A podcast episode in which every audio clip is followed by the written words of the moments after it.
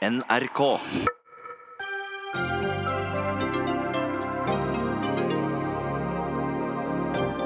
Luftambulansetjenesten fikk flere advarsler om at det kom til å bli krise i Nord-Norge. Dette er en varslet katastrofe, sier Flygerforbundet. Den afghanske jenta Farida og familien hennes vant i tre rettsrunder mot den norske staten, men får likevel ikke komme tilbake til Dokka. Hvordan kan det skje? Likestillingslandet Norge diskriminerer far når han er avhengig av mor for å få foreldrepenger, mener tilsyn. Nå blir det sak i EFTA-domstolen. Og momsen må fjernes på gjenbruksvarer og reparasjoner, mener en sykkelreparatør, med fengselsstraff og fire konkurser bak seg i kampen for momsfritaket.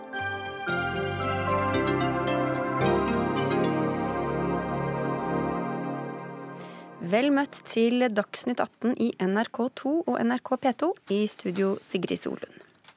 I Nord-Norge er det full krise i luftambulansetjenesten, og pasienter er redde for at de ikke skal komme seg til sykehuset i tide. Årsaken er at ansatte har sagt opp, andre er blitt sykmeldt etter at de fikk vite at de kan miste jobben neste år. Da overtar nemlig det svenske selskapet Babcock driften fra Lufttransport, som i over 25 år har hatt ansvaret for luftambulansetjenesten i Nord-Norge. Og rett fra møtet på Stortinget om nettopp dette og til studio her i Dagsnytt 18 på Marienlyst, Yngve Karlsen, du er forbundsleder i Norsk Flygerforbund. Beskriv og sett oss inn i situasjonen slik den har eh, utvikla seg. Ja, altså Situasjonen har utviklet seg som den varslede katastrofen som vi for så vidt har forespråket siden september i 2016, direkte overfor politisk ledelse og embetsverket i Helse- og omsorgsdepartementet. Det er samtlige faginstanser, eh, LO, Sykepleierforbundet, Legeforeningen, som har pekt på hva som måtte gjøres for at man skulle unngå å komme i den situasjonen i dag. Det som er eh, det interessante her, det er at eh, helseforetaket og luftambulansen med Øyvind Juel fortsetter å ikke se problemet. Nå står en veldig stor del av tjenesten, og det var nettopp det vi sa allerede tilbake i september 16. Så hva er det som har skjedd? Ja, det er et, det er jo anbudspraksisen innenfor dette segmentet. Da. Hvert sjette år så settes luftambulansen ut på anbud. Og Da kan det jo være ulike tilbydere som går inn og byr på det. Det som har skjedd i denne saken, det er at én tilbyder som ikke har noe virksomhet i Norge i det hele tatt, ingen ansatte, har gått inn og droppa prisen med 300 millioner kroner på, på over en seksårsperiode, og vunnet anbudet på det, til tross for at de er dårligere på kvalitet. Mm. Øyvind Juel, eh, halvveis introdusert allerede. Du er altså administrerende direktør i Luftambulansetjenesten og er formell oppdragsgiver til operatørene. Hva er det dere har tenkt på? Vi har eh, gjort jobben vår. Vi har eh, anskaffa ambulanseflytjenester på den måten vi er satt til å gjøre. Vi har kjørt en uh, offentlig anbudsprosess ut ifra lov og forskrift om offentlige anskaffelser. En veldig nøye, detaljert og godt fundamentert prosess. Vårt oppdrag er å tilby befolkningen luftambulansetjenester, også ambulanseflytjenester.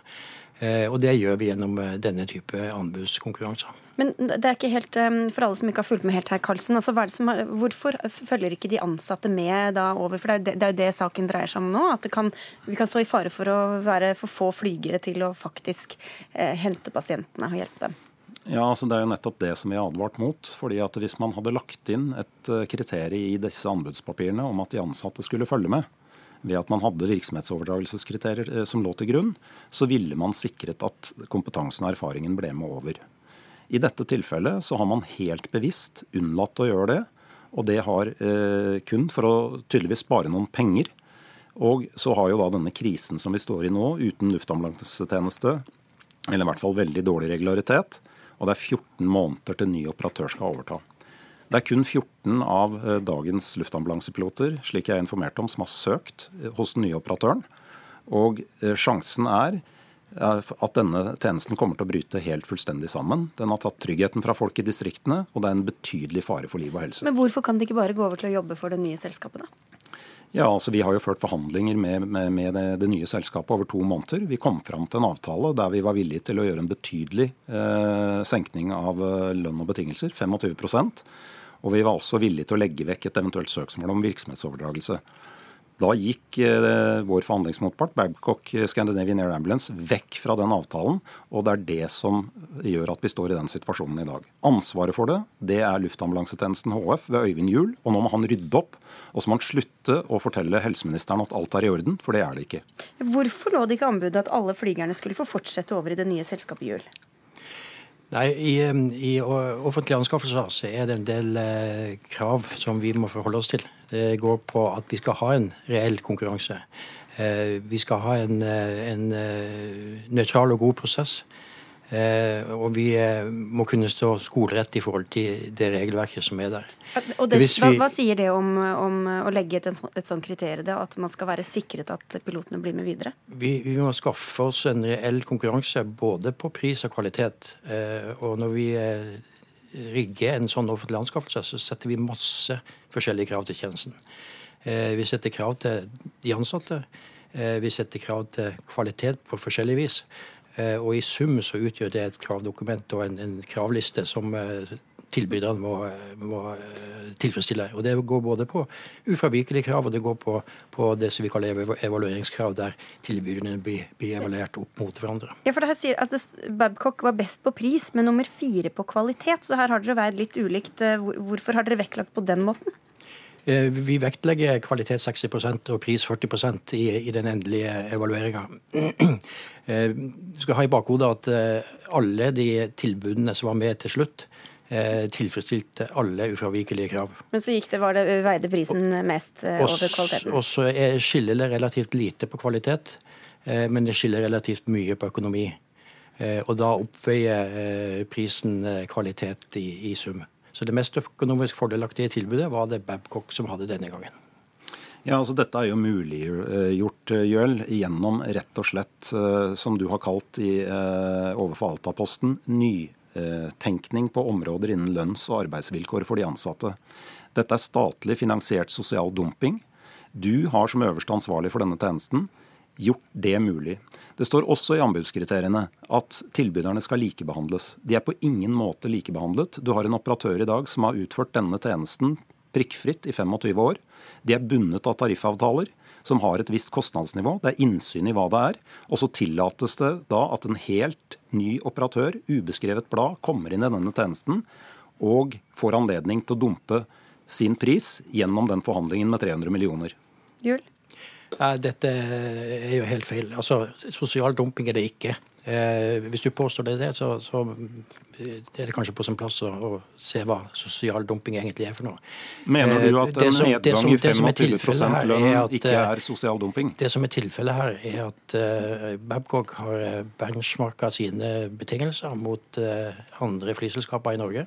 Hva betyr det? SAS, SAS Widerøe og Norwegian de har sammenligna eh, arbeids, lønns- og arbeidsvilkår. Så, så, de legger seg på linje med, med SAS de, og Norwegian? De ligger, de ligger, på nivå med de, eller de er konkurransedyktige i forhold til de, og, mm. og det betyr at de ligger på, på nivå med de. Så det, jeg kan ikke på noen måte se at dette er sosial dumping. For du sier det, det, jeg spørre Karlsen om det også, for du sier det handler om penger eh, fra, fra myndighetenes side, men det handler om penger fra dere også? Dere vil tjene best mulig, og så når, de, når, når dere må ned i lønn, så går dere til, til andre steder for?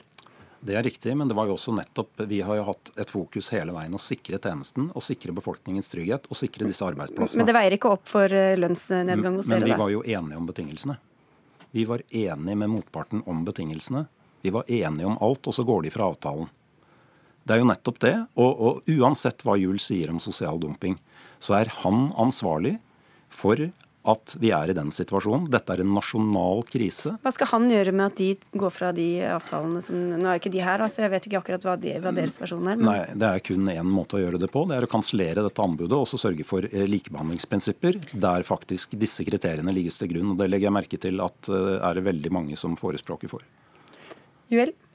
Ja, nei, Jeg er ikke i en posisjon til å gjøre om dette anbudet. Jeg gjør jobben min. Jeg har signert en kontrakt med Babcock Eh, om å starte opp eh, ambulanseflytjenester fra 1.7 neste år. Eh, og det er den jobben jeg skal gjøre dere, fremover. Altså, dere tar jo da en sjanse på vegne av pasientene som risikerer å Hvis, hvis fly blir stående på bakken og ikke kunne bli, bli henta, hvordan, hvordan, hvor, hvor komfortabel er du med å ta en sånn risiko?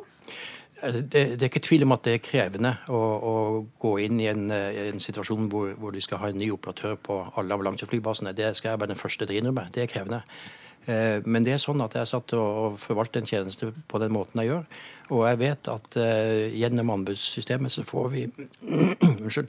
Så får vi bedre kvalitet. Uh, vi får mer igjen for pengene. Og sånn sett så, er det en, god måte å anskaffe ambulanseflytjenester på. Ja, altså Det vil jeg på det sterkeste si imot. En god måte å skaffe ambulanseflytjeneste på. Man kan jo alltids ha en diskusjon om denne tjenesten er egnet for å være anbudsutsatt. Men hvis man ikke sikrer at erfaring og kompetanse blir over, så rakner tjenesten. Allerede i dag så er den raknet. Det er 14 måneder til ny operatør overtar. Og den kommer til å bli stående bom stille pga. det, og det er bekymringen. Og det er ditt ansvar, Jul. Men hvorfor skal flyene stå nå, lenge før de overtar i det hele tatt, fordi dere er redde for framtida? Fordi at det kreves jo det at hvis du vet du ikke har en jobb 1.7.2019, så må du jo søke deg en eller annen jobb et annet sted. Da. Og det at man har valgt å flytte dit Men du må vel gjøre jobben deres i mellomtiden, da? Ja da, men man slutter vel gjerne før tiden. Og hvordan skal man kunne ansette nye i dette selskapet der jobben bare varer fram til 1.7.2019? Det blir betydelig vanskelig. Og jeg vil også skyte inn det. Dette er verdens mest kompliserte flyoperasjoner i en del av landet som det er mørkt, dårlig vær, høye fjell. Spesialkompetanse, den kan ikke erstattes. Det, det er vel velkjent for Norsk Flygerforbund at det er denne måten vi anskaffer eh, ambulanseflytjenester på. Eh, den har vært konkurranseutsatt i, i mange, mange år. Eh, vært mm. anbudsutsatt flere ganger. Eh, Norsk Flygerforbund vet det, Lufttransport vet det, og de vet at de står i en konkurransesituasjon når de skal levere inn eh, anbud på en sånn tjeneste. Eh, det kan ikke komme som en bombe. Ok, helt To sekunder på slutten. Man gjorde det samtidig på Svalbard. Når Justisdepartementet satte ut dette på anbud, så var det krav om faktisk lønns- og arbeidsbetingelser, slik at det sikret at kompetansen ble med over. Det må du også gjøre. Si opp kontrakten og begynn på nytt. for det, du har ikke, jeg har ikke muligheten til å si opp noe. Nei, og Da skulle vi veldig gjerne selvfølgelig hatt Helse- og omsorgsdepartementet her. De kunne eller ville ikke komme. og Vi har også forsøkt stortings representantene, eller altså Høyre og Frp på Stortinget, uten eh, hell. Så da får vi håpe at de dukker opp ved en annen anledning. Takk skal dere ha begge to for at dere kom. Øyvind Juel fra Luftambulansetjenesten og Yngve Karlsen fra Norsk Flygerforbund. Dagsnytt 18 alle hverdager klokka 18.00 på NRK P2 og NRK2.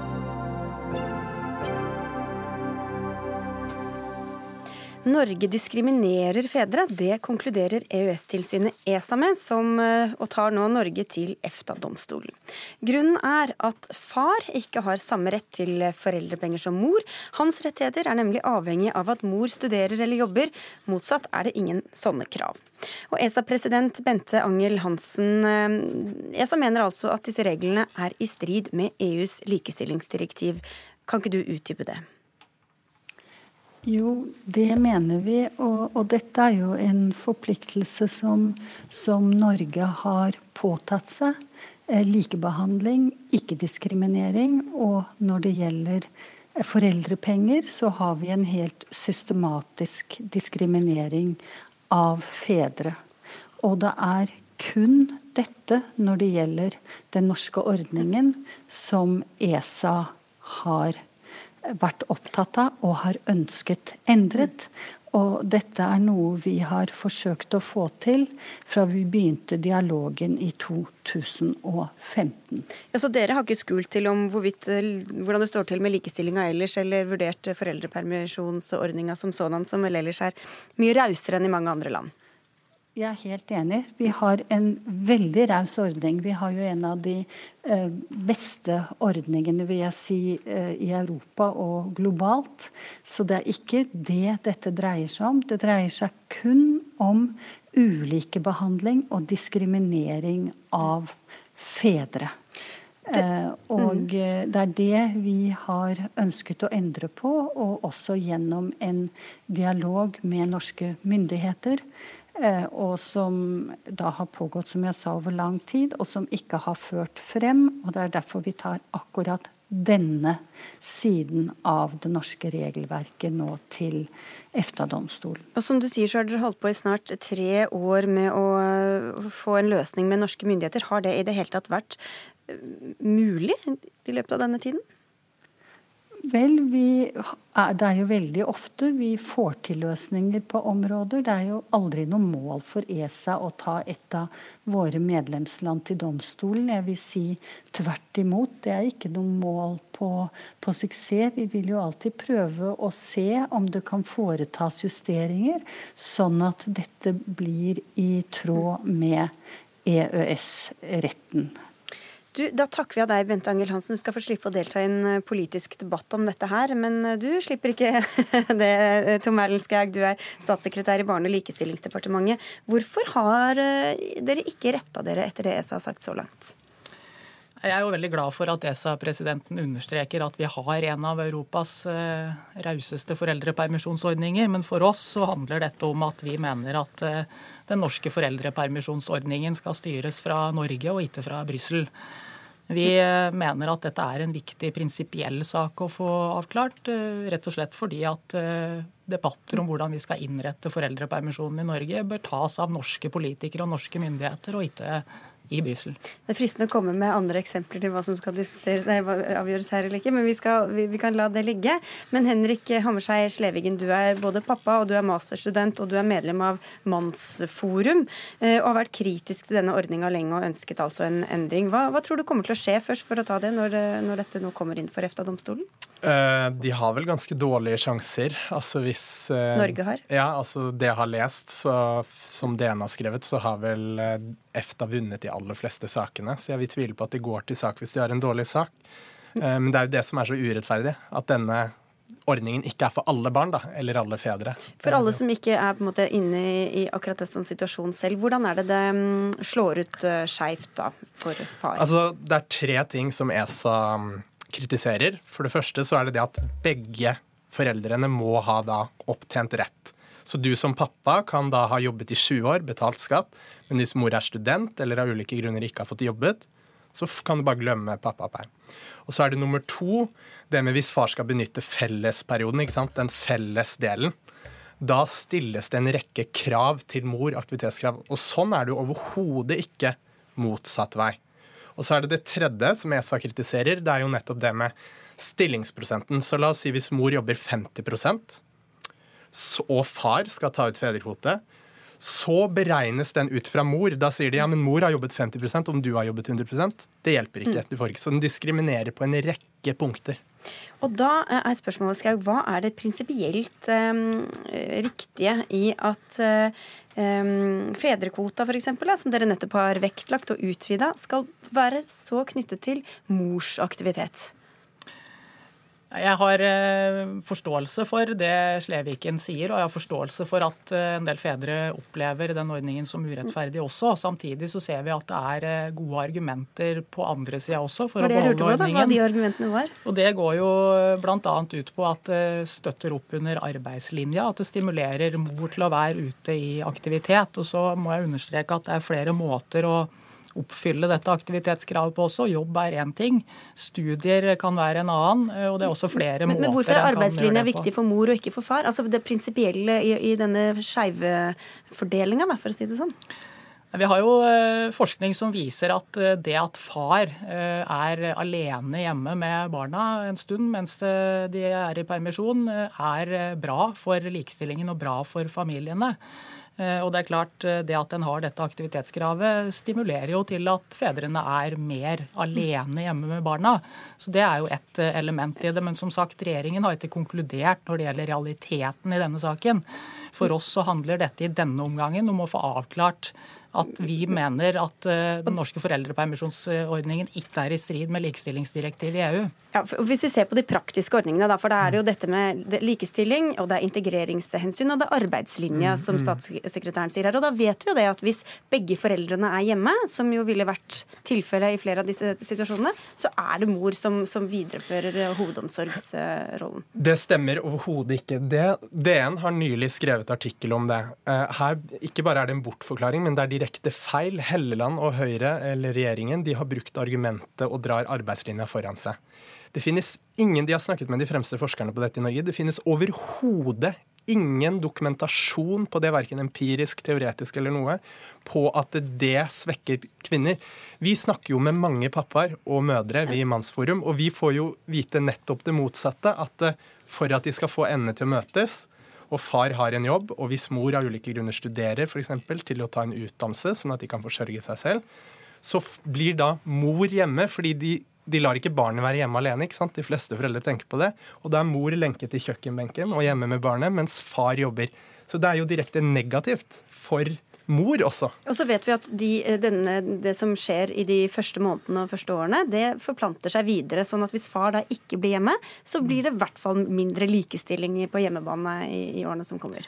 Som sagt, her er det argumenter på begge sider. Ehm, og nå er det sånn at eh, studier er da et av de elementene som kan bidra til å oppfylle dette aktivitetskravet. Så hvis mor går ut og fortsetter studier, så kan far eh, ta ut foreldrepermisjon. Fordi det er noen som har framstilt dette som at far ikke har selvstendig opptjeningsrett, men det har da far. Men, men Du sier jo at det er argumenter på begge sider, men dere vektlegger jo de ene argumentene ettersom dere vil, vil tviholde for å si det sånn, på den ordningen som er i dag. Nei, Jeg har ikke sagt at vi kommer til å tviholde på den ordningen. Jeg sier at regjeringen har ikke konkludert når det gjelder, uh, gjelder det. Dere har i hvert fall men, ikke endret av fri vilje, da. Men vi ønsker å få avklart det prinsipielle spørsmålet som handler om at vi må ha handlefrihet til å bestemme i Norge uh, hvordan vår foreldrepermisjonsordning skal innrettes. Men Slevingen, vi vet også at eh, Eller mye vil jeg si vi vet, jeg vet ikke alt hva vi vet og ikke vet. Men, eh, men, at mange av fedrene som ikke tar ut fedrekvota, der er det i hvert fall en, en overrepresentasjon av menn med minoritetsbakgrunn. Og, og, hvor man kan tenke seg da at de kvinnene som, eh, som hvis man da ikke skal stille dette aktivitetskravet, så er det mindre grunn til å gå ut i jobb for disse mødrene. Nei, det er helt feil. Det er ingen dokumentasjon som viser det. Det er snarere helt motsatt. Og hvis du ser det er dokumentasjon på at det er flere, en overrepresentasjon av menn med minoritetsbakgrunn som ikke tar ut ja, pappaperm? Men de, det er klart, men de aller, aller fleste fedre i dag tar pappaperm, og de vil ta pappaperm. Men så bestilte Barne- og likestillingsdepartementet i fjor en stor pappapermrapport. Og Der spør de, der viste det seg at den vanligste årsaken til at fedre ikke får pappaperm, det er nettopp den selvstendige opptenningsretten. De får ikke lov til å være der for barnet sitt i den viktige tiden. Og da, hvis du ser på den gruppen, det er det som er interessant. Ok, Hvem er disse fedrene? Da er det en overrepresentasjon av fedre og mødre med lavere utdanning og lav inntekt. De har jobbet, men de har ikke høy, så dette rammer jo de svakeste barna. De som er mest utsatt, kanskje de som trenger det mest. Ja, nei, som sagt, Det fins argumenter i retning av okay. Eh, begge Men, deler. Da vil jeg snakke om skal vi kalle det den dyre elefanten i rommet, nemlig at dette faktisk kan komme til å koste 600 millioner kroner. Det er vel deres eh, anslag fra regjeringshold? 800, faktisk. 800, 800, Så det er ikke helt uvesentlig det heller, da, vil jeg tro. Nei, det er klart. Eh, dette kommer til å koste en god del penger hvis en skal fjerne aktivitetskravet. Som sagt, Vi har ikke konkludert på det, men jeg registrerer jo at det er ingen partier som har lagt inn 800 eh, millioner kroner til dette i sine budsjetter. De har, lagt inn, de har lagt inn 200 millioner, men det er altså ikke nok. Ja, hvor skal dere ta de pengene fra, da? Du slipper jo det, ettersom ikke du lager budsjetter. Men... Altså, altså, Vi må stille det i perspektiv. 800 millioner, det er 3,8% av de 21 milliarder kronene vi bruker. Det er mye bedre at vi har en fedrekvote som gjelder alle barn, for alle barn og foreldre skal ha like muligheter. Det er vi veldig opptatt av i Norge. Bredt. Og det må vi gjøre noe med. Ok, da skal bare helt avslutningsvis spørre deg, Skaug. Hvis eh, EFTA-domstolen konkluderer med at eh, Norge bryter regelverket, hva, hva da? Det er for tidlig å si noe om. Nå får vi først se hva de konkluderer med, og så får vi ta den diskusjonen da. Takk skal dere ha for at dere tok denne, i hvert fall eh, i denne omgang. Tom Erlend Skaug, som er statssekretær i Barne- og likestillingsdepartementet. Henrik Hammerhei Slevigen, og til Bente Angel Hansen, som altså er ESA-president.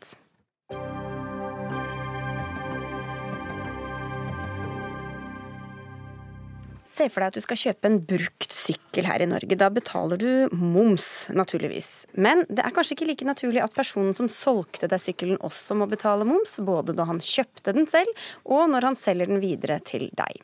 Sykkelreparatør og gründer Tony Kolås, du driver Den grønne sykkel i Bergen, og disse momsreglene har vært en kampsak for deg lenge. Hvor har den kampen ført deg så langt?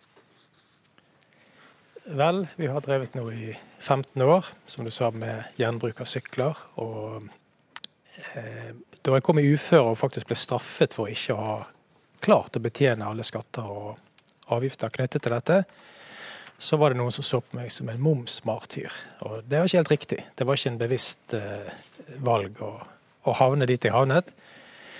Men eh, det er klart, det fremkommer mer og mer absurd å betale moms på salg av brukte gjenstander i en tid med Vi snakker om det grønne skiftet. Vi prøver å tilstrebe FNs bærekraftsmål. Det er total disharmoni.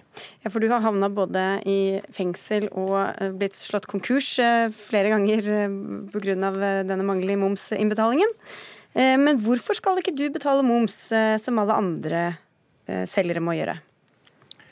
Nå er det sånn at Momslovgivningen er nok ganske kompleks, og der er allerede en momsdifferensiering. Vi f.eks. subsidierer bøndene, og vi forstår hvorfor.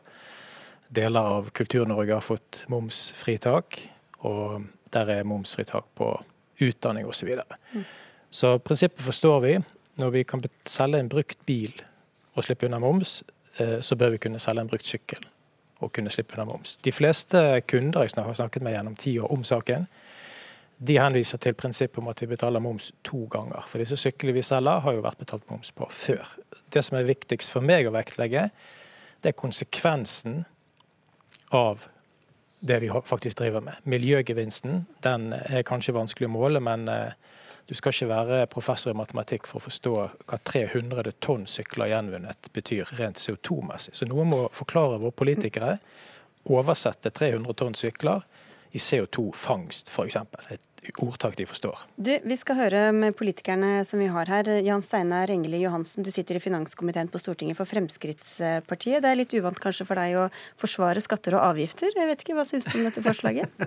ja, først vil jeg jo si at jeg syns det er veldig flott at vi har gründere som vil skape arbeidsplasser ved å ta i bruk eh, Det går ikke an å bli konkurs hver gang pga. all eh, merverdiavgiften man må betale? Nei, altså, men eh, det er jo slik at altså, Jeg er jo enig i at merverdien av å handle brukt er jo større enn det vi til nå har har, eh, har sett. På samme måte som vi handler brukt bil, så hadde vi gjerne sett at folk handla både sykkel og TV og vaskemaskin osv. Eh, brukt. Eh, så det setter jeg jo pris på, det støtter vi opp om. Eh, så er jeg jo eh, også enig i, i, prinsippet om at eh, det med bruk og kast-samfunnet når vi må komme litt bort ifra. Og at verdien av det du kjøper er ikke nødvendigvis mindre selv om man kjøper det brukt. Så du er enig i alt, bortsett, bortsett fra virkemidlet ja, ja, og bortsett fra avgiftene? Jo, fordi, det, jeg tror vi bør rydde opp i en par, par småting her. For det første er det jo ikke slik at man har dobbel moms. Altså Når, når sykkelreparatøren tar inn en, en brukt sykkel, så betaler jo ikke han moms ut ifra det han har kjøpt sykkelen for sjøl. Det er jo merverdien. altså Hvis man reparerer sykkelen, så er det den tjenesten man gjør ved å reparere sykkelen, man betaler moms ut av. Så det, er ikke slik at man betaler moms flere ganger av, av eh, samme produkt. Eh, og akkurat på samme måte som om du leverer sykkelen din til reparasjon uten selge videre, så betaler du òg moms på, på, eh, på, den eh, tjenesten som blir utført. På samme måten som du gjør med en bil. Ja, ja. Men, ja, ok. Men uh, Rasmus Hansson, går til deg da, nasjonal talsperson for Miljøpartiet De Grønne. Dere har foreslått dette på Stortinget flere ganger, men blir nedstemt uh, hver gang. Og du applauderer vel bare ja, altså, For det første så, så, er det interessant å høre Fremskrittspartiet her eh, være så opptatt av å beholde eh, offentlige skatter og avgifter. Eh, I utgangspunktet så var det jo det de skulle bli kvitt, så vi hadde jo håpet på litt mer støtte når vi foreslår å fjerne moms på reparasjoner. Fordi det som Tony i Bergen gjør, det er lurt på tre måter. For det første så reparerer han ting slik at vi kan bruke dem lenger. og Det er veldig fornuftig i et ressursregnskap. Og eh, når uh, de andre politiske partiene er i festhumør, så snakker de om sirkulær økonomi, og de snakker om bærekraft osv. Det oppnår vi ved å ta vare på tingene våre lenger. For det andre så skaper det arbeidsplasser, det han gjør. Og for det tredje så er det sosialt omfordelende, fordi folk med lite penger har mer bruk for å kunne reparere tingene sine, og da er det lurt for dem å kunne slippe uh, å betale merverdiavgift. Derfor så burde vi burde gjøre det. Gjøre det. Ja. Hvis vi begynner med det første, Engel Johansen. Det står i regjeringsplattformen at Norge skal være et foregangsland i utviklingen av en grønn, sirkulær økonomi som utnytter ressursene bedre. Ja, det skal det være. men samtidig som vi nå passer på, for nå, nå roter vi sammen flere diskusjoner i ett. Altså, jeg er jo ikke med på premissen til, til Hansson og MDG om at det er riktig å forskjellsbehandle folk ut fra hvilket yrke eller hvilken næring du, du starter. I Frp er jo slik at vi setter like mye pris på uh, uansett hvilken næring du, du, starter. En arbeidsplass er en arbeidsplass. Han er like viktig og like mye verdt uansett om det er en arbeidsplass i en grønn næring eller en annen uh, næring. Så, og, og, det kan jo ikke bli slik at vi nå skal begynne å uh, om du selger sykkellykt over disk i en sportsbutikk, så skal den ha moms. Men hvis du monterer den på en sykkel, så skal det være momsfritak. Altså, vi, vi, roter sammen en del diskusjoner som kan bli veldig, veldig komplisert. Og det som er aller viktigst, det er jo at vi likebehandler har mest mulig likebehandling i våre momssatser. Og jeg tror Det at, eh, det var jo nevnt her fra sykkelreportøren sjøl om at vi har mange forskjellige momssatser i dag. Vi har en på transport og NRK-lisenser, vi har en på mat og drikke, vi har en på det meste andre.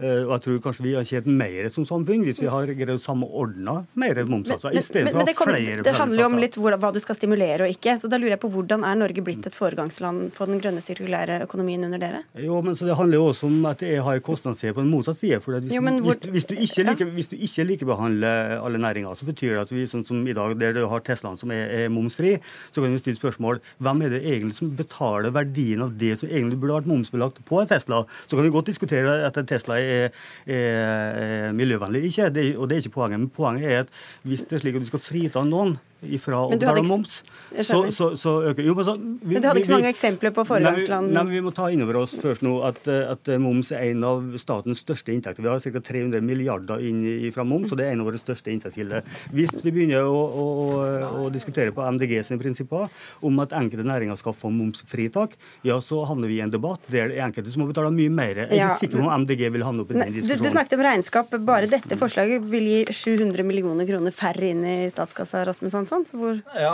så vil det jo gi noe på den andre siden. Eh, det vil altså eh, gi flere arbeidsplasser, gi bedre ressursøkonomi, og det gjør det sosialt omfordelende for de som trenger det best. Men det havner du i den elbilfella hvor plutselig ja, jo flere som, er ingen felle. Elbilfella er en braksuksess. For, for statsfinansene, i hvert fall. Ja, fordi jo, jo, som, jo, flere som gjør det, desto mindre penger inn ja, altså, første, i budsjettet. Eh, den såkalte elbilfella er altså en braksuksess. Det er de aller fleste enige om. Eh, for det andre så er det veldig vanskelig å skjønne hva Frp er for og mot i den diskusjonen. På den ene siden så er de da begeistret for bruktkjøp og reparasjoner osv. På den andre siden er de mot å uh, bruke moms som virkemiddel, til tross for at det er akkurat det vi gjør. Det er jo ikke likebehandling for momsen, og det har jo Fremskrittspartiet selv kommet med en rekke eksempler på. Vi har mange forskjellige momskategorier fordi vi vil stimulere forskjellige ting på forskjellige måter. Det eneste vi trenger å gjøre for å gjennomføre Miljøpartiet De Grønnes forslag, det er å flytte eh, reparasjoner, bl.a. de sykkelreparasjonene som Tony gjennomfører i Bergen, fra en momskategori til en annen som heter momsfritak. Det er enkelt. Og vi har den kategorien allerede. Det er bare å gjøre det. Så koster det noen penger. Akkurat som det koster noen penger å uh, f.eks. gi elbiler momsfritak. Og det gjør vi med vilje, fordi ting er ikke like. Det er noen ting vi stimulerer. Men hvor skal grensa gå, og hvem skal administrere? Altså Reparasjon av bruktbiler, skal, skal, det, skal det inn under det samme? De som skal administrere det, er de samme som administrerer allerede nå, og som ja, administrerer en haug med momskategorier, og de får det helt fint ja, og, til. Og f.eks. reparasjon av bruktbiler? Det... det kan vi godt diskutere. Det forslaget vi har kommet med ja. foreløpig, uh, gjelder hvitevarer, el og såkalte uh, fritidsartikler. Og så vil vi gjerne diskutere om du har lyst til å at vi også skal få momsfritak f.eks. på å reparere biler, som er en ting okay. du er veldig glad i. Spørsmålet, det kan vi gjerne diskutere med deg, men det er ikke foreslått. Ja, men Spørsmålet er om det gøy å svare på, det er jo hvilke tjenester vi skal gi mindre av i samfunnet hvis det er slik at vi ikke skal erstatte de inntektene som går tapt. Det er jo poenget. Det er det poenget med likebehandling. Jeg tror han har en lang liste over ting han vil skattlegge mer og avgiftsbelegge mer, hvis jeg altså, kjenner han sånn rett. Vi har, en, vi har en lang liste over uh, ting som er lurt uh, å gjøre, og en del ting som er dumt for, å for, gjøre. Deg, Kol, men, nå, vi må slippe til Bergen her igjen, Kolos. Bare det å forenkle forenkle regelverket da, så, og ha lavere avgifter eh, rundt baut, sånn som Frp egentlig vil? Kunne ikke det vært noe? For, for å kommentere Jan Steinar Englia. Vi roter det ikke til. Tvert imot. Denne saken er krystallklar. Og her må vi forenkle tingene. Det er ikke kanskje politikerne sine sterke sider. Vi snakker om det grønne skiftet. Vi er alle enige om at vi må gjøre noe. Jeg mener Norge, som er styrtrik på nettopp olje, bør være best i klassen. Og besparelsen rent miljømessig ved å redde en sykkel og annet brukt, er formidabel. Og la meg minne på, Det går altså tusenvis av containerskip over halve kloden for å frakte en sykkel. Året etterpå så skal den presse sammen, gå opp i røyk. Dette er komplekser bestående av PwC, gummi, plastikk i ulike typer, aluminium osv. Så, så 300 tonn sykler har vi resirkulert. Regn det i CO2. Hvis det passer bedre Det var det du var inne på innledningsvis. Og hvor mye har La meg si et par men, ting du til. må være, nei, du kan ikke det skjønne, for tiden går så okay, veldig fort men- her. Men skal høre med deg, ja. men Engel Johansen, det er, dere, dere sa dere ville bli det nye miljøpartiet. Dere er opptatt av å å liksom, få mindre søppel ut i naturen. Hvorfor ikke da starte med å ikke slippe så mye søppel ut i naturen, Jo, fordi man heller bruker det Jo, flere men det ganger? her handler like mye om eh, likebehandling. Jeg kan ta et lite eksempel. Jeg driver selv de sivile som eh, daglig leder i en blikkeslagerforretning. Dvs. Si at vi er ute og reparerer taket og den biten der. Eh, Hvis vi ikke skal ha betalt moms, hvem er det da som skal ha betalt mer moms, eller mer inn til staten, hvis vi ønsker de samme velferdstjenestene som vi har i dag? Det er poenget. Og jeg synes det er også veldig enkle forklaringer som MDG kommer med. For det hele tida peker de på at vi har en del svarte næringer som kan betale mer i, i avgifter, som oljenæringa. Sannheten er jo at MDG har vi ikke, vi har jo ikke villet hatt oljenæringa hvis det hadde vært Hansen som ville ha fått bestemt det i Norge. Veldig kort her, Hansson. Det er jo veldig interessant å høre at nå har Fremskrittspartiet bestyrt Finansdepartementet så lenge at de har blitt den aller mest beinharde forsvareren av alle offentlige avgifter, fordi de er redde for å miste er for Argumentet er at du er redd for å miste inntekter i staten. Nei. Du kan få vel så mye inntekter til staten ved å spare ressurser, skape jobber og drive sosial omfordeling.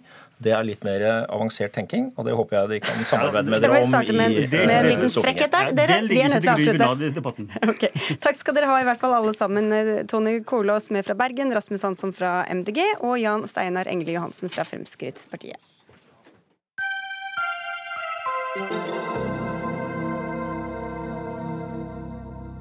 Den tolv år gamle afghanske jenta Farida får ikke komme tilbake til Norge, selv om hun har vunnet tre rutsrunder mot den norske staten. Etter å ha bodd på Dokka i Oppland i fire år, ble Farida og familien hennes sendt ut av landet for tre år siden fordi Utlendingsnemnda mente at behovet for asyl ikke var reelt. Advokat for Farida og familien Vera Vicky, hvorfor er det, eh, sånn som du ser det, eh, oppsiktsvekkende at Farida da ikke får komme tilbake likevel? UNEs eh, siste vedtak er feil på flere eh, måter. Eh, det inneholder både rettslige feil, dvs. Si feil i hvordan jussen skal tolkes, og faktiske feil, dvs. Si bl.a. feil vurderinger av landinformasjon og sikkerhetssituasjonen i Afghanistan. Og noe av det mest alvorlige i vedtaket er at UNE ikke følger eh, Høyesteretts eh, lovtolkning eh, eller lagmannsrettens rettskraftige avgjørelse på hvordan eh, saken skal vurderes. Men eh, vi husker barna i klassen til Farida på Dokka gledet seg til at hun skulle komme tilbake da hun da vant i Høyesterett. Men retten har ikke tatt stilling til om det er trygt å sende Farida tilbake til Afghanistan. Hvorfor tror du folk eh, har trodd da at dommen i Høyesterett betydde at hun kom til å komme tilbake? Høyesterett eh, sier, eh, slik UNE eh, riktignok har eh, påpekt, ikke at Farida skal få oppholdstillatelse i Norge. Slik er ikke systemet i Norge. Det domstolene tar stilling til, er om et vedtak er ugyldig, altså uriktig, eller ikke. Eh, det Høyesterett fastslo, var at eh, eh, vedtaket i Farida-saken var ugyldig. Det var basert på feil lovtolkning. Eh, og Høyesterett fastslo at, eh, at lagmannsrettens dom var riktig. Og lagmannsretten tar stilling til sikkerhetssituasjonen i Afghanistan eh, og vilkårene for å tilbakekalle flyktningstatusen til Farida. Og det er grunnlaget for, det for UNEs neste vurdering. Dvs. Si UNE er pliktet til å følge domstolenes avgjørelser på alle punktene som er rettskraftige. Så hvordan kan det da gå som det gikk? Det er jo det som er feil i vedtaket, er at det ikke følger domstolenes avgjørelser. Vi skal bare tilbake til eh, 2011. Da kom eh, moren og Farida til eh, Norge. Og moren sa at familien i Afghanistan har brutt med henne fordi hun rømte fra et tvangsekteskap med en eldre mann. Eh, UNE, altså eh, nevnte Utlendingsnemnda, sier at Grunnlaget for innvilgelse av asyl for mor og datter forsvant da faren dukket opp i Norge, siden mor ikke lenger var en enslig kvinne uten nettverk. Alt dette er vel riktig. Hvorfor er det da riktig at familien skal få bli? Hadde det vært riktig, så hadde det jo vært greit. Det er eh, feil. Eh, Høyesterett sier at man kan ikke bare se på den personlige situasjonen til familien. Man må se på har det skjedd endringer i sitt eh, vesentlige, stabile endringer eh, i sikkerhetssituasjonen i Afghanistan. Eh, kun dersom det er tilfellet, dersom det har skjedd slike forbedringer, så kan tillatelsen trekkes tilbake. Og det er det UNE ikke følger i denne saken. Og da er vi over til deg, Kai Eide. Du er mangeårig diplomat og tidligere FNs eh, spesialutsending til Afghanistan. Og da eh, regner vi med at du kan litt om sikkerheten i landet. Eh, som UNE altså mener at er blitt bedre på det stedet der hvor Farida kommer fra. Hva sier du til det? Jeg vil si Når det gjelder den, det distriktet, denne øya som heter Jagori, så er det, det er jo et distrikt som aldri har vært preget av stor Eh, høyt nivå av vold og, og sikkerhetsepisoder.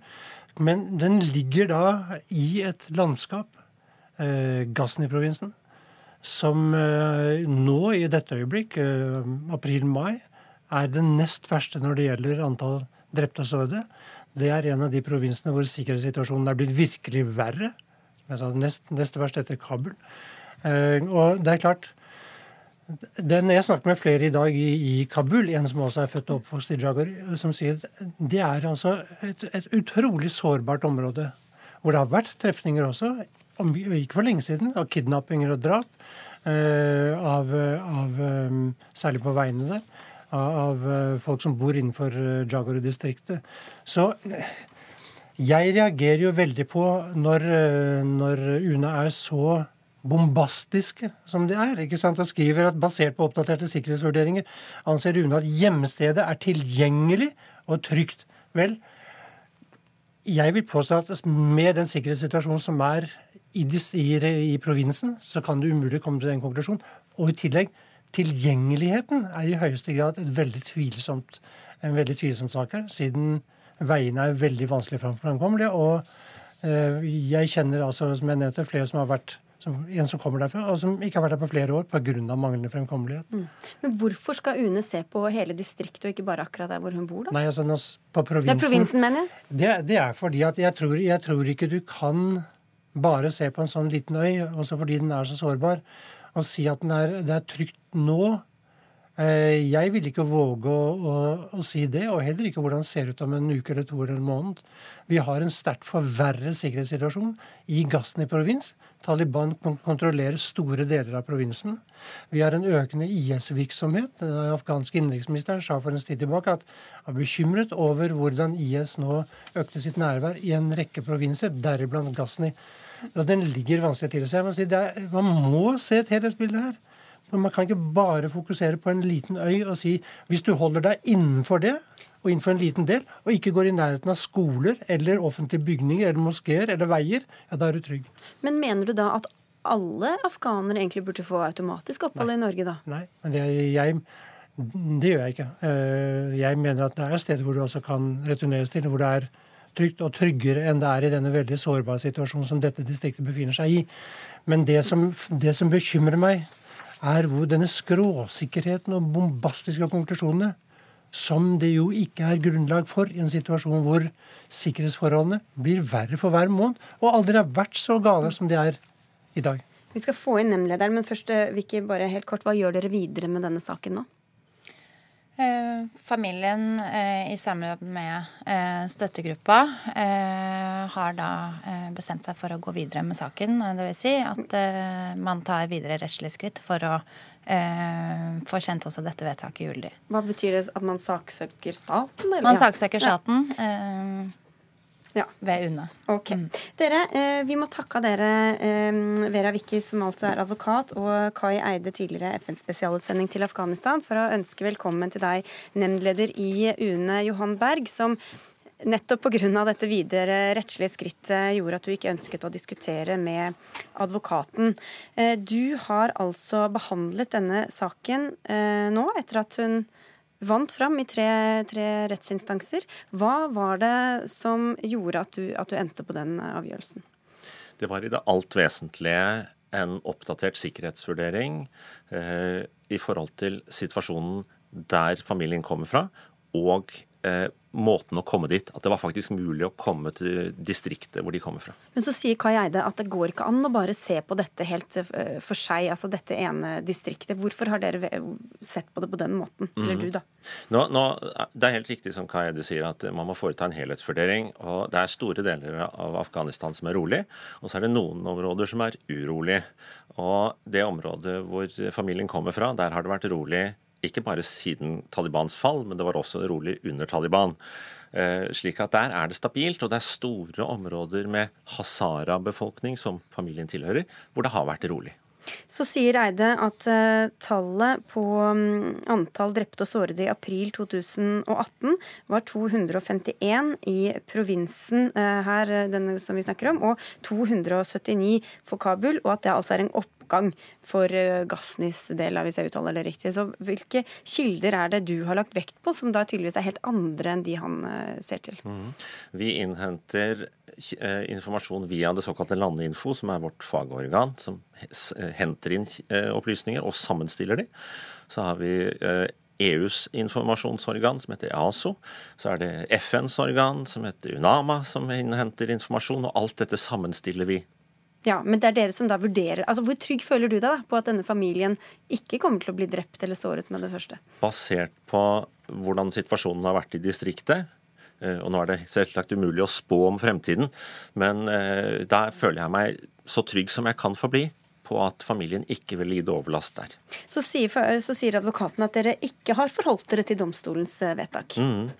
Vi mener at eh, vi har, eller Jeg mener at jeg har forholdt meg til uh, Høyesterett til punkt og prikke. Uh, alle de spørsmål som er tatt opp i dommen, ble, ble, vurdert. Og jeg har fulgt Høyesteretts anvisning om hvordan jeg skulle vurdere saken. Og da er det, Når det gjelder denne sikkerhetssituasjonen i eh, Afghanistan, så sier Høyesterett at dere hadde lagt til grunn at familien kunne returnere til hjemstedet, men at dere ikke hadde tatt stilling til om det hadde skjedd en vesentlig og stabil endring i sikkerhetssituasjonen. Hvordan eh, har, eh, eller Hva er det som da har endret seg vesentlig og stabilt som gjør at dere er så sikre på dette? Mm. Da var det en differanse mellom førsteinstans, altså UDI og oss, vi har i mange år ment at situasjonen i distriktet er trygg. Eh, det er veien dit som har vært utrygg. Eh, og der ble det i 2015, omtrent på det tidspunktet hvor lagmannsretten vurderer, så ble det inngått en avtale som førte til at antall hendelser på denne veien gikk ned. Og, det er det vi har sett på. Eh, hvor trygt er det nå å reise der, og andre veier, slik at det er mulig å komme trygt til distriktet. Og, og, det er eh, det som har vært avgjørende. Og Hvordan kan du vite så sikkert at dette er en stabil endring? Fordi den har vart over flere år. Uh, uh, og det er det eneste man egentlig kan forholde seg til. Man må se på hva har skjedd før, og så trekke noen konklusjoner ut av det. Du behandlet og fattet vedtak i denne saken helt alene etter, etter at den var oppe i Høyesterett. Mm. Det åpner reglene for i tilfeller der hvor det ikke er noen tvil.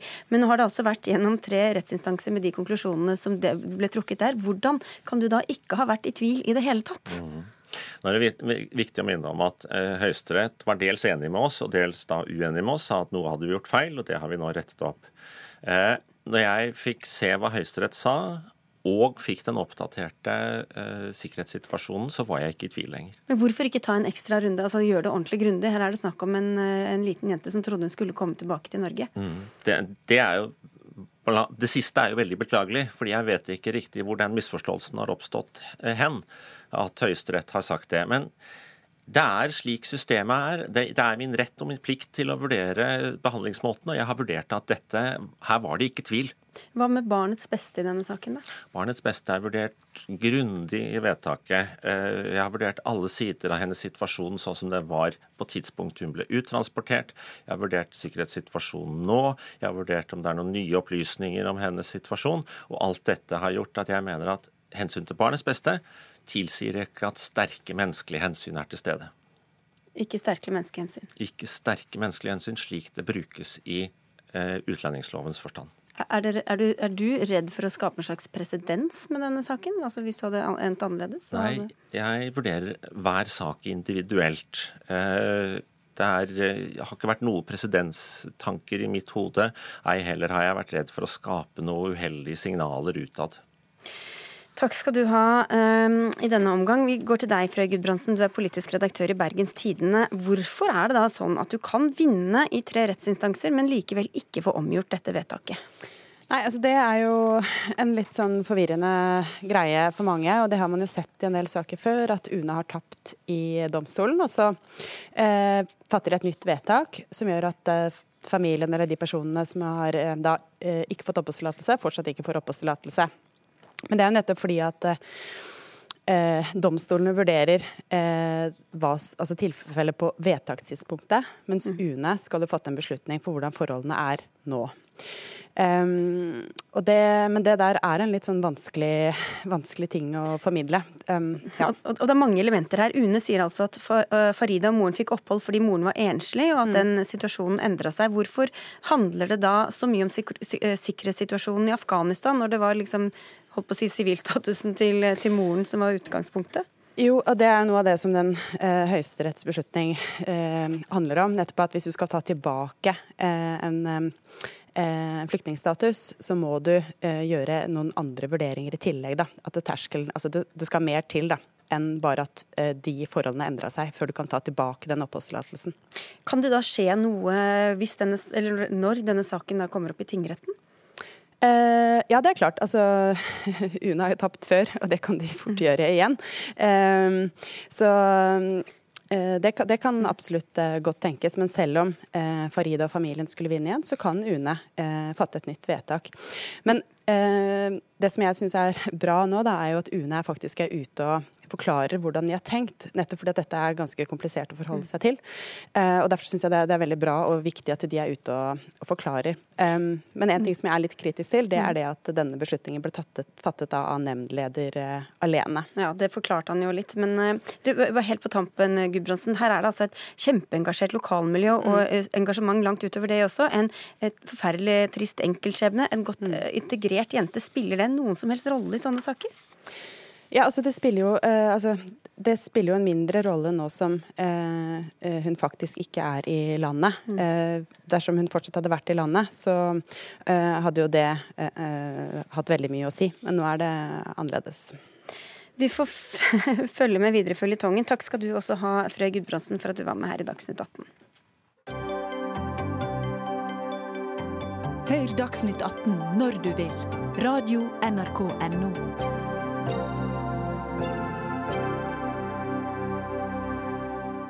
Rett før helga kom boka 'Oljeboblen', et kraftig opprør, oppgjør med bruken av norske oljepenger. Og Her kan vi lese at det bildet som er skapt av at Norge globalt er et land som forvalter oljeformuen forbilledlig, ja, det er ganske misvisende, og ikke minst får politikerne her til lands gjennomgå. Du har skrevet boka, Øystein Noreng, du er professor emeritus ved BI. Opportunisme, kortsiktighet, det er noen av ordene du bruker uh, i omtalen av disse politikerne i et intervju med Aftenposten. Hva er det de har gjort så grundig feil? Altså, Det du har i Norge Vi var veldig vi var forbilledlige en stund etter at vi hadde brent oss. Vi brukte for mye oljepenger. Vi var utsatt for prisrisikoen i oljemarkedet. Så kom smellet i 1986, og vi slet lenge. Så ble vi veldig fornuftige. Så kom oljeprisen etter hvert opp igjen. Og vi har gjort noe som var lurt. Vi reduserte altså handlingsregelen. Den ble senket fra 4 til 3 Fortsatt er det så mye penger, og vi bruker det så mye, og vi bruker det mye veldig kortsiktig rett inn i budsjettet. Hensikten i 2001, da handlingsregelen kom, var å bruke avkastningen fra oljefondet på forskning, utvikling, infrastruktur og skattelette for næringslivet. Det er glemt.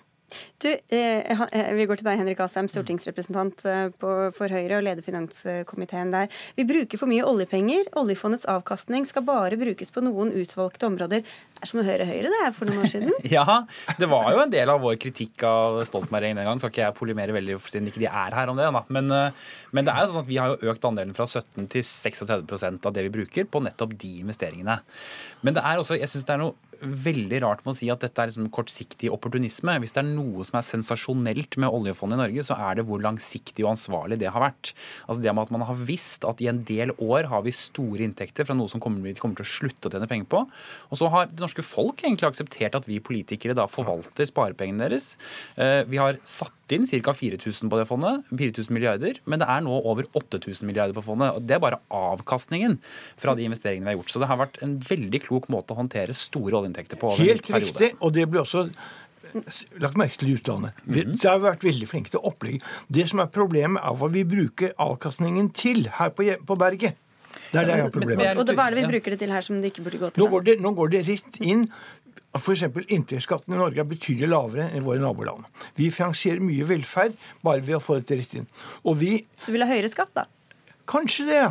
Jeg mener altså at velferdsstaten bør finansieres over skatteseddelen. Men det, ja, det, er litt, det er litt rart å ønske høyere skatt når hele En av de tre tingene som handlingsregelen sa at man skulle bruke penger på, var lavere skatt. Nettopp for å sørge for at vi hadde et næringsliv som kunne leve For eh, uten næringslivet. Ja. Ja, for næringslivet. Ja. Men, vi personer har lavere skatt enn i nabolandene. Men- betydelig lavere. Men det kan vi på en måte politisk være uenige om. Men det er altså sånn at det vi gjør nå, er at vi bruker f.eks. 1000 milliarder på Nasjonal transportplan. Vi skal bruke nest, over 1000 milliarder på en langtidsplan for Forsvaret. Det er jo ikke noe som står i den handlingsregelen, men en viktig investering. Men, og det, men det aller viktigste er at grunnen til at vi har laget dette fondet, er at vi har visst, og det skjer nå, at det kommer flere eldre som trenger pensjon. Uh, Og det er jo det vi også har spart til, nemlig å nå få en avkastning av det fondet hvert år, som gjør at vi kan sikre pensjonen til dagens eldre og fremtidens eldre, samtidig som det ikke betyr store velferdskutt eller andre budsjettkutt. Eh, Hva gjør vi hvis oljefondet skulle falle 50% i verdi? Det skjedde i 2009, det kan skje igjen. Mhm. Hva gjør vi da? Langsiktighet, sier Asheim da. Ja, og det er faktisk sant. Altså, det vi har gjort, er å øke aksjeandelen til 70 eh, Nettopp fordi hvis aksjemarkedet er ustabilt, så er det veldig lurt å ha veldig mye penger på mange steder i aksjemarkedet.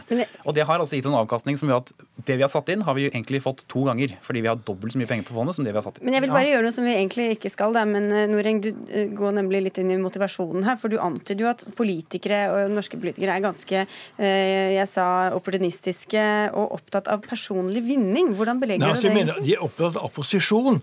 Klart, Er du politiker, så er det gøy å bli valgt og bli gjenvalgt. Og dette er det som driver veldig mange. Du ser det alle, i alle partier.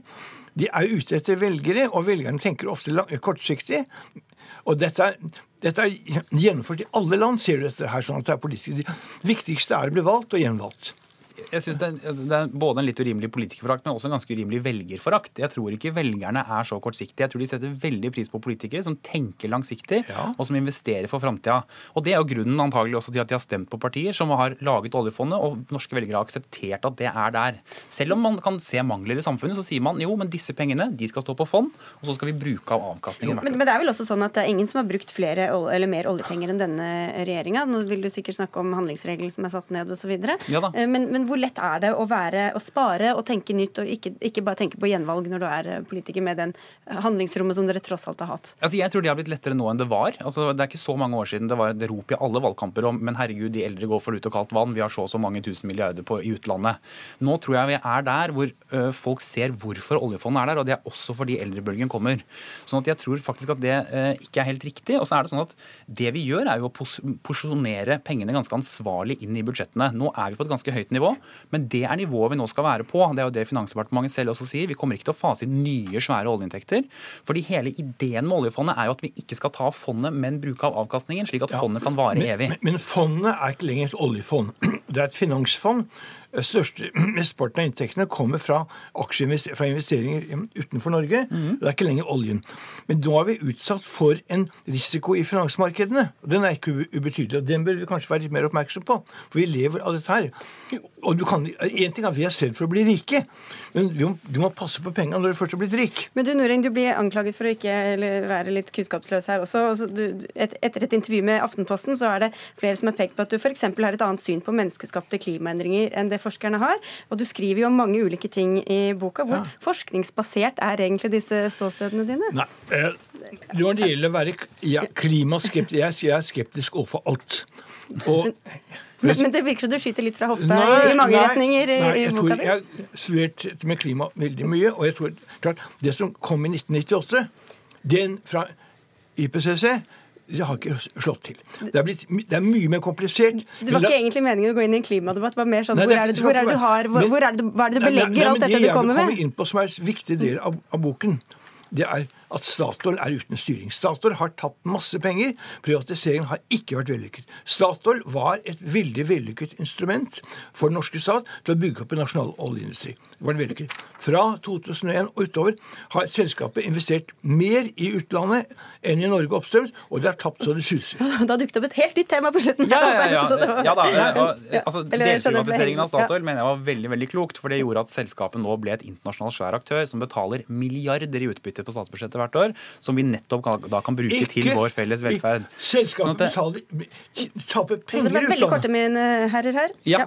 jo, men ikke sant, Poenget er at dette er et svært selskap som også driver internasjonalt, og det er veldig veldig bra. Delprivatisering av Statoil var noe av det smarteste vi kunne gjort den gangen vi gjorde det. Men uh, de har jo selv sagt at en del av de utenlandsinvesteringene skulle gjerne vært foruten. Ja, Så det var- absolutt. Ja. Og hvis du spør Statoil nå, så tror jeg de vet nøyaktig hvordan sparekniven eh, kjennes når oljeprisen Det, faller. da, da rakk vi et par-tre sider av boka di, i hvert fall. Takk skal du ha for at dere kom.